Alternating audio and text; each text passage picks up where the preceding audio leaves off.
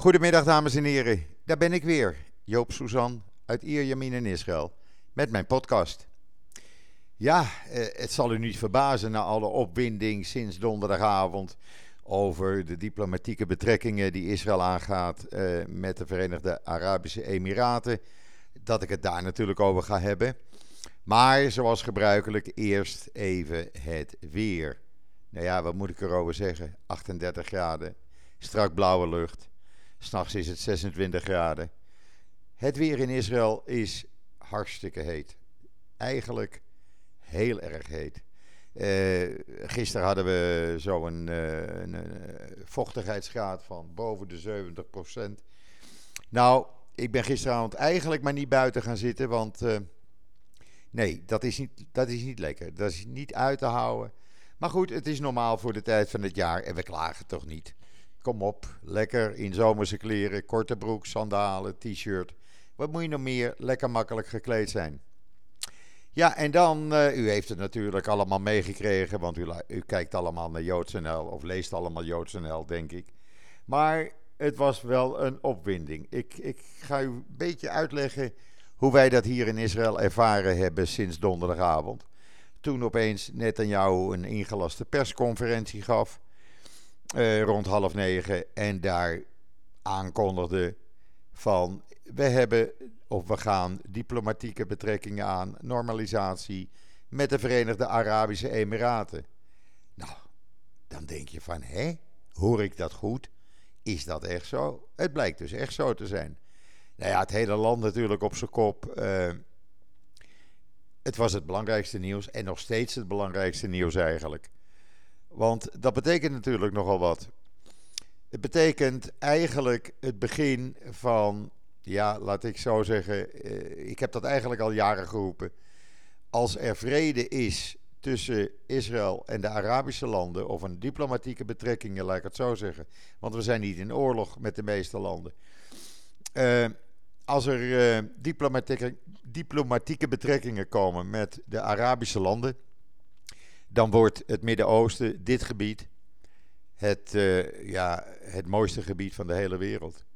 Eh, dan gaat hier alles gebeuren. Want vergeet niet, we hebben de Israëlische know-how en de financiën uit de Arabische landen. Gooi dat op een hoop.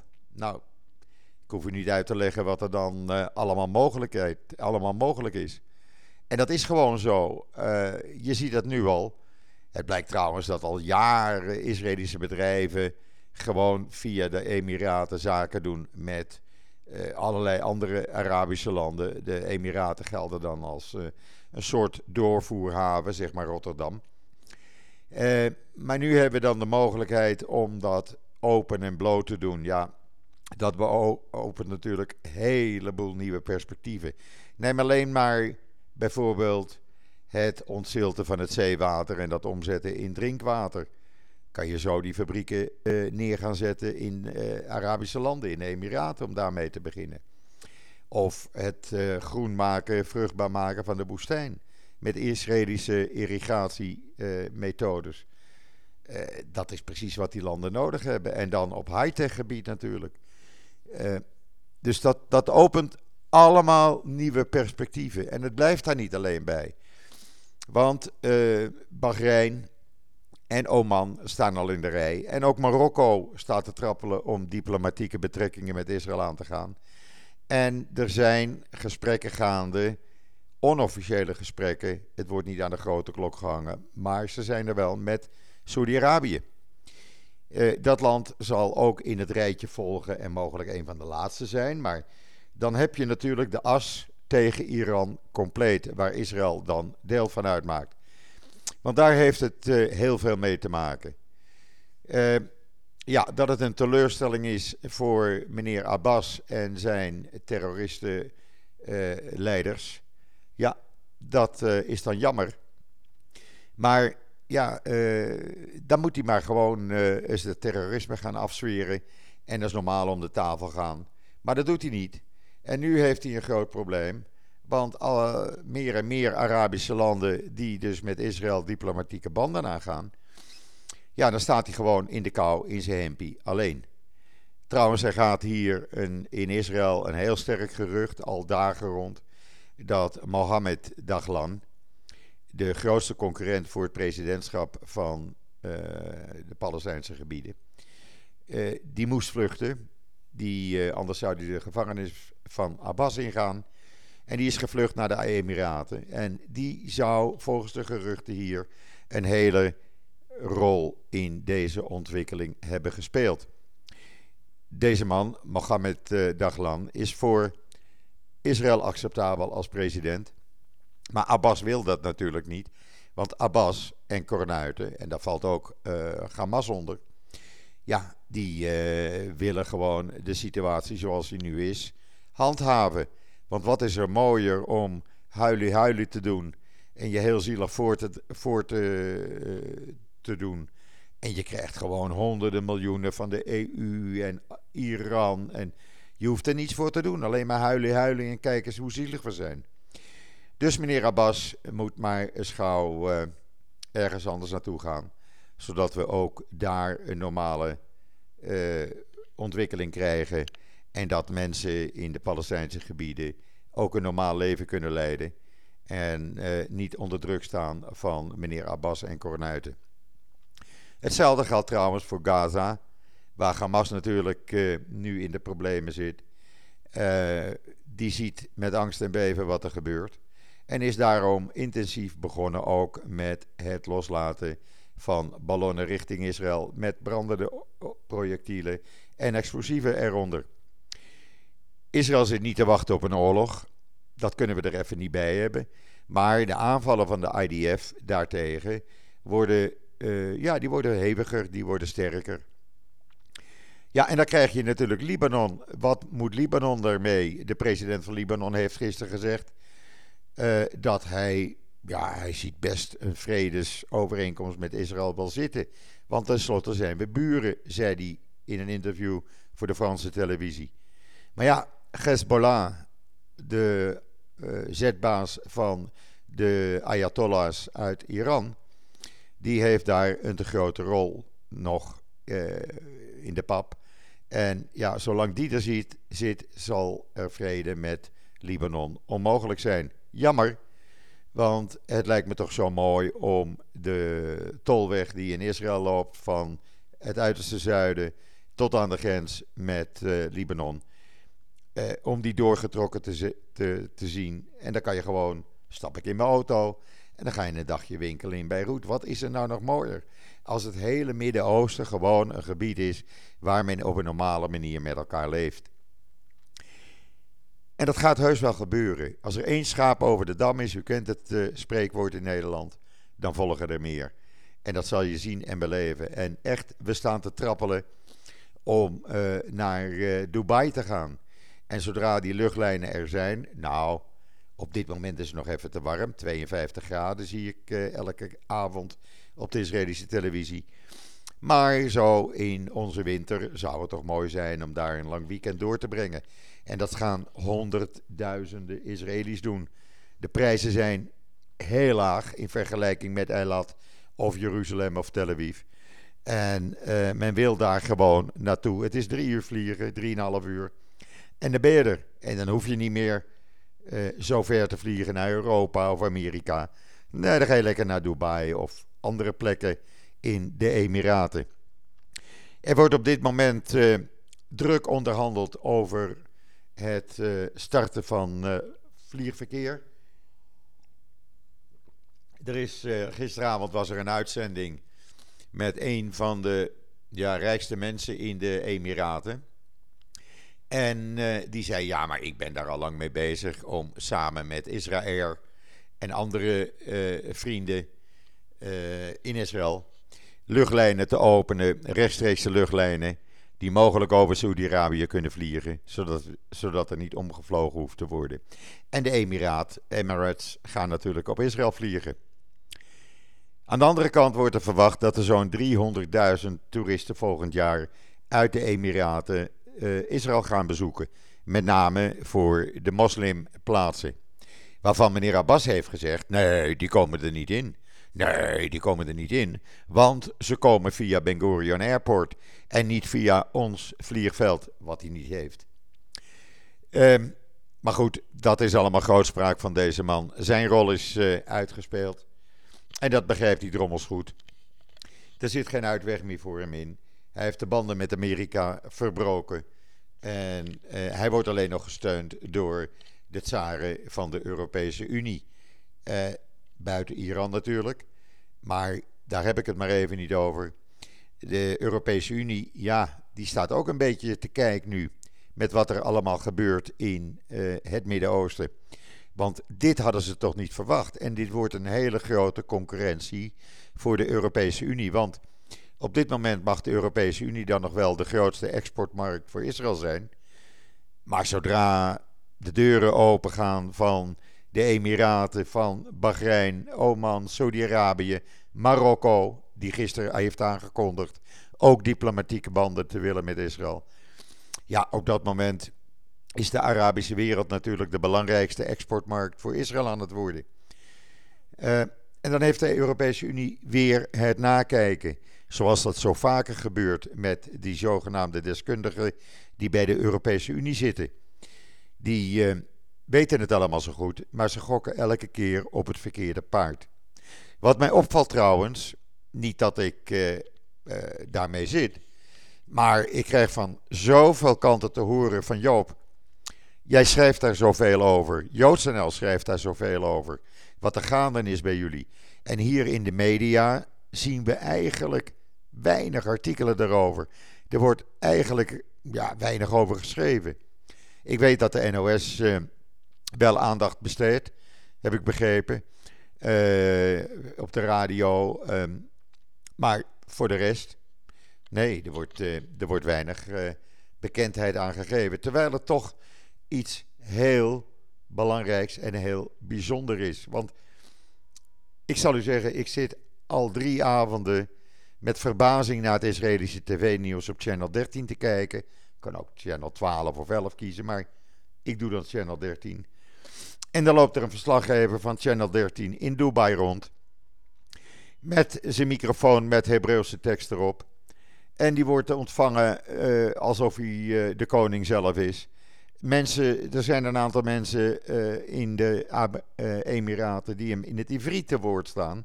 Die gewoon Hebreeuws geleerd hebben. hij wordt in hotels ontvangen, rondgeleid, in winkelcentra. In een autoshowroom was hij gisteravond, waar alle peperdure Rolls Royces en Maseratis en Ferrari stonden. Hij werd met open armen ontvangen. En zelfs de mensen, het publiek in de Emiraten, vindt het geweldig dat er Israëlische journalisten rondlopen. Want er lopen er al een tiental rond op dit moment.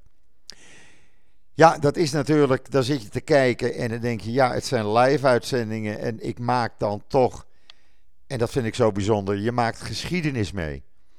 Je maakt iets mee wat, waar over 100 jaar ook nog over wordt gesproken. Van wanneer gingen Israël en de Emiraten diplomatieke betrekkingen aan? En als dan over drie weken Netanyahu samen met de sheik van de Emiraten, Zin uh, Bayet heet hij geloof ik, uh, met Trump op het Witte Huis staan en daar die overeenkomst gaan tekenen, waardoor er officieel sprake is van diplomatieke betrekkingen met een Arabisch land. Ja, dan kan je zeggen: oké, we hebben Egypte, we hebben Jordanië. Maar daar zaten, waren oorlogen mee.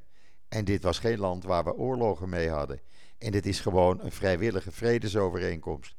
En dat is toch fantastisch, mensen. Ik ben daar echt, ik ben daar bijzonder trots op dat ik uh, hier woon en dat mag meemaken en merk hoe het land daarop reageert.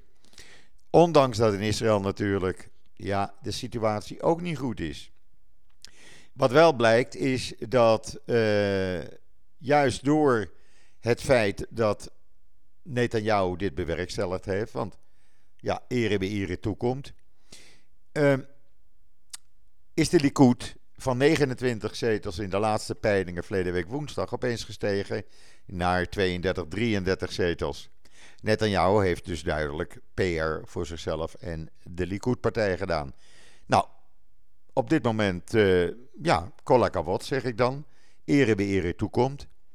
Maar de economie hier, die is echt naar de knoppen.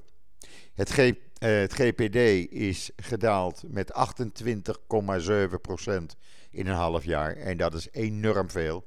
De bestedingen zijn uh, eh, 43, ruim 43% minder, de binnenlandse bestedingen, vergeleken met 2019 in deze tijd. Uh, mensen hebben geen geld meer. En je krijgt dus nu een visieuze cirkel. Doordat mensen geen geld hebben, wordt er dus minder gekocht. Waardoor Israëlische bedrijven weer minder kunnen uh, produceren. Waardoor ook die weer mensen moeten gaan ontslaan. Het artikel komt er straks op op JoodsNL en dan kunt u dat allemaal nalezen. Maar dat is geen goede situatie. En dan zegt Netanyahu wel in een officiële persverklaring: Nou, we doen het goed vergeleken met Europa en Amerika. Want in het tweede kwartaal is het GPD maar 8 punt, of 7,8% eh, gedaald. Maar hij vergeet erbij te zeggen dat het over een half jaar betekent dat het met 28,7% is gedaald. Daarnaast neemt de staatsschuld enorm toe. Er is uh, weer een noodpakket van ruim 8 miljard shekel, zo'n uh, eh, 2 miljard euro, uh, bekendgemaakt. Nu voor mensen om die aan een baan te helpen, herscholing, 10.000 mensen, hotels te helpen, andere ondernemers te helpen. Maar het, het, het werkt niet. Het werkt niet. En waarom werkt het niet? Ja, dat weet eigenlijk niemand. Het is gewoon de angst voor het coronavirus. Uh, de hoge stijging, nog steeds dagelijkse stijging van het virus. En dat houdt niet op. Uh, en men, uh, ja, men geeft geen, geen geld uit. Dus je zit in een vicieuze cirkel.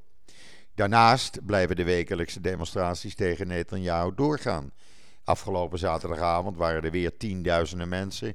Niet alleen in Balfour Street in Jeruzalem bij zijn residentie, maar ook op bruggen en viaducten en voor zijn huis in Caesarea en andere plaatsen in het land aan het demonstreren tegen Netanyahu, omdat men zegt: luister, je hebt dit dan wel voor elkaar gebracht met de Emiraten, maar is het niet belangrijker om nou ook eens te zorgen dat die economie weer gaat draaien, dat we weer werk hebben, dat we onze bedrijven weer kunnen laten werken? En dat verwijt men hem. En men zegt: wij willen geen premier die corrupt is en die voor fraude en corruptie en vertrouwensbreuk vanaf 19 januari drie keer per week voor de rechter moet staan. Men wil dat gewoon niet. En die demonstraties, eh, ja, we zaten daar allemaal naar uit te kijken van welk effect heeft die overeenkomst met de Emiraten nou op de demonstraties? Zijn die nou aanmerkelijk minder? Nee, dus niet. Ze waren ietsjes minder als verleden week, maar ik moet u zeggen dat het zaterdagavond ook enorm heet was, enorm drukkend weer was. En uh, ja, dan krijg je dat veel mensen thuis binnen bij de airco blijven. Ik zag dat ook trouwens zaterdagavond. Dat is voor mij een graadmeter. Dat de mol bijna uitgestorven was bij mij op de hoek. Ja, en dan hebben we Hamas, die uh, zorgt dat Zuid-Israël letterlijk en figuurlijk in de fik staat. Vandaag ook weer enkele tientallen ballonnen met brandende materialen en explosieven eraan geland in Zuid-Israël, waardoor constant branden ontstaan. Die dan met behulp van brandweerlieden, soldaten en honderden vrijwilligers eh, zo goed en zo kwaad als het gaat meteen worden geblust. En wat willen die gasten nou? Wat willen die terroristen nou van Hamas? Nou, ik zal u zeggen wat ze willen. Zij willen dat Qatar, die dus binnenkort met Israël een vredesovereenkomst gaat tekenen, eh, weer met 100 miljoen dollar over de brug komt om weer Gazanen, eh, of de inwoners van Gaza, laat ik het dan zo zeggen, ieder een 100 dollar biljet te geven. En Israël heeft gezegd: nee, dat doen we voorlopig maar eens even niet. Jullie gaan maar eens een keer zorgen dat je je land gaat opbouwen in plaats van je hand op te houden. Nou, dat bevalt de heren terroristenleiders niet. En men, men begint dus met de ja, uh, brandstichting. het over die terroristenleiders. Die hebben, u kunt dat nu op joods.nl lezen. Die hebben het staatsburgerschap van Turkije gekregen. Turkije verleent staatsburgerschap aan leiders van Hamas. Uh, dat zijn dus geen voedsoldaten, maar dat zijn echte terroristen die vanuit Turkije vrijelijk aanslagen in Israël en Europa op Joodse doelen kunnen beramen. Zonder dat meneer Erdogan hun een strobreed in de weg legt. Integendeel, hij helpt hun nog. Ze hebben vrij reizen en het zou dus een reden moeten zijn voor de Europese Unie om die gesprekken met meneer Erdogan eh, te stoppen over vrij in- en uitreizen voor Turkse onderdanen. Wat dat betekent dat terroristen vrij Europa in en uit kunnen. Als u dat wil, prima. En als we dan toch over terroristen praten. U heeft natuurlijk mijn podcast geluisterd eh, met Olga Deutsch afgelopen donderdag van NGO Monitor. Waarin zij onthulde hoe de Nederlandse regering miljoenen, miljoenen weggeeft aan de Palestijnen. En dat dus terug, terechtkomt bij terroristische organisaties. Waarvan de Nederlandse regering wetenschap heeft. Men weet dat gewoon. En dan kan men wel zeggen, zoals Olga Duits ook zei: van ach, NGO-monitor, dat speelt geen rol en die hebben geen bewijzen. Nou, de bewijzen geven ze elke keer. En deze podcast is duizenden keren beluisterd. En ik mag toch hopen dat de Nederlandse regering of Nederlandse parlementsleden hier wat mee gaan doen. Want als Nederlandse parlementsleden dit, die podcast beluisterd hebben, en dat hebben ze, want ik heb er veel onder de volgers van de podcast en op joods.nl, dan zou je toch mogen verwachten dat een aantal van hen, of minstens één of twee in ieder geval, vragen gaan stellen aan mevrouw Kaag en de heer Blok van Buitenlandse Zaken. Als ze dat niet doen, dan vind ik dat een teken van zwakte en een teken van ongeïnteresseerdheid van wat er met uw belastinggeld in Nederland gebeurt. Want het is uw belastinggeld wat terreur tegen Joden, tegen Israël, tegen Joden in Europa financiert. Dat wordt er met uw geld gedaan, met toestemming van meneer Rutte en zijn ministers. Want anders kan ik het niet zeggen, anders kan ik het niet uitleggen. Als u dat nog niet geluisterd heeft, ga naar de site van joods.nl, ga naar podcast en u vindt hem gelijk. Hij staat daarop.